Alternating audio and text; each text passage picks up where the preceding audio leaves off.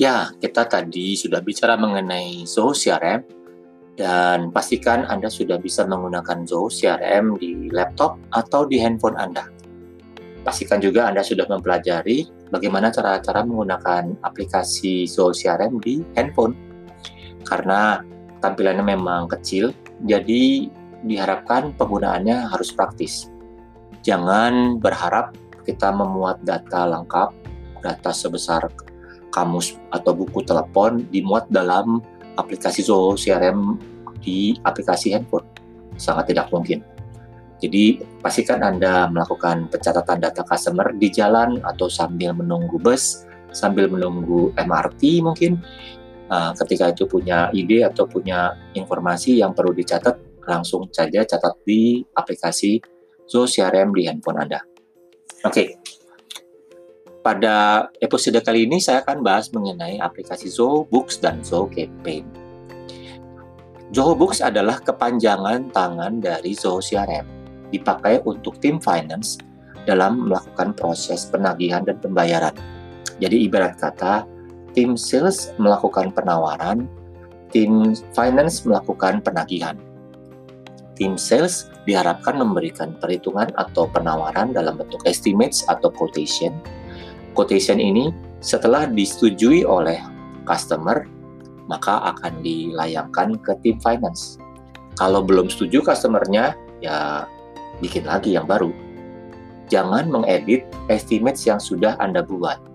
Jangan menghapus estimate yang Anda buat, karena ini akan kita pakai sebagai rekam jejak digital ke komunikasi Anda berbicara dengan para customer. Siapa tahu informasi yang sudah lewat itu bisa kita gunakan untuk customer lain sebagai pola pembelajaran. Nah, ketika sudah dilempar menjadi invoice, tim finance akan memastikan penagihan tepat waktu sesuai dengan kesepakatan yang ada atau kesepakatan yang sudah Anda buat dengan customer. Pastikan juga tim finance tahu kesepakatan pembayarannya oleh karena itu, pastikan ada dokumentasi term of payment, kesepakatan yang bentuknya tabel, menuliskan apa saja yang harus dibayarkan, berapa nilainya, dan kapan harus dibayarkan. Dokumen itu penting buat tim finance untuk membuat invoice pada jumlah yang tepat, waktu yang benar juga. Nah, ketika invoice sudah dibuat, Soho CRM akan menampilkan status tersebut. Bahkan Zoho CRM juga akan menampilkan nomor invoice yang dibuat oleh tim finance. Jadi nggak usah repot-repot, Anda bisa langsung tahu atau melacak ke customer, Pak, Bu, ini invoice saya nomor sekian, tolong dibayar atau sudah lama nggak dibayar misalnya. Jadi Anda bisa lakukan itu. Di sisi lain, ketika sudah dibayar, payment statusnya juga langsung update di Zoho CRM. Jadi uh, itu oleh karena itu kita sebut Zoho Books adalah kepanjangan tangan dari Zoho CRM. Ketika sudah lunas, sudah terbayar, ya Anda siap-siap terima komisi. Oke, selanjutnya adalah Zoho Campaign. Zoho Campaign adalah aplikasi untuk mengirimkan email dalam jumlah banyak. Jadi bedakan dengan email-email biasa.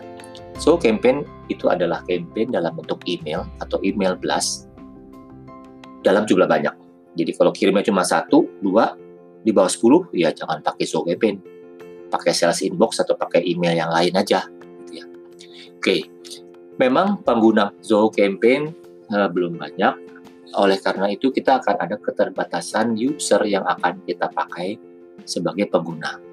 Nah, mungkin pada operasional kita akan menggunakan satu orang sebagai orang yang terlibat dalam uh, mengumpulkan list mengumpulkan daftar customer, daftar nama, dan membuatkan campaignnya. Campaign dibuat ada dua macam yang perlu diperhatikan yaitu template-nya atau emailnya yang mau dikirim dan jadwal pengiriman. Ya, jadwal pengiriman kita bisa atur mau langsung dikirim ketika harinya jadi atau mau kita jalankan beberapa hari kemudian atau malah kita mau jadwalkan bertahap. Jadi karena mungkin kita mau kirim email ke 200 orang, kita mau kirim 10 orang hari ini, 10 lagi besok, 10 lagi lusa, dan seterusnya sampai 10 hari atau 20 hari. Nah, silakan aja kalian atur. Nah, kemudian yang perlu kalian catat berikutnya adalah proses otomatisasi. Karena otomatisasi ini penting untuk memperbaiki segmentasi atau target dari list yang kalian punya. Nah, ketika email yang dikirimkan itu dibuka, Anda harus tahu siapa aja yang membuka email tersebut. Kemudian kalau misalnya email itu ada CTA-nya, ada click to action-nya, dan kemudian itu diklik, Anda harus tahu juga siapa-siapa saja yang sudah mengklik CTA Anda, atau istilahnya mengklik buttonnya itu siapa aja. Karena tentu saja ketika dia sudah buka email, kita berharap bisa dikirim lagi konten email berikutnya. Tentunya konten email yang kita kirimkan untuk yang baru buka sama yang sudah klik berbeda dong. Nah, itu kalian atur dan itu akan berkelanjutan terus-menerus dari hari ke hari, dari minggu ke minggu sampai bulan ke bulan. Jadi ini uh, kalau Anda tertarik untuk masuk Zoom Campaign, ini perlu komitmen yang tinggi. Oke, sampai situ. Kalau ada pertanyaan langsung WA saya dan terima kasih.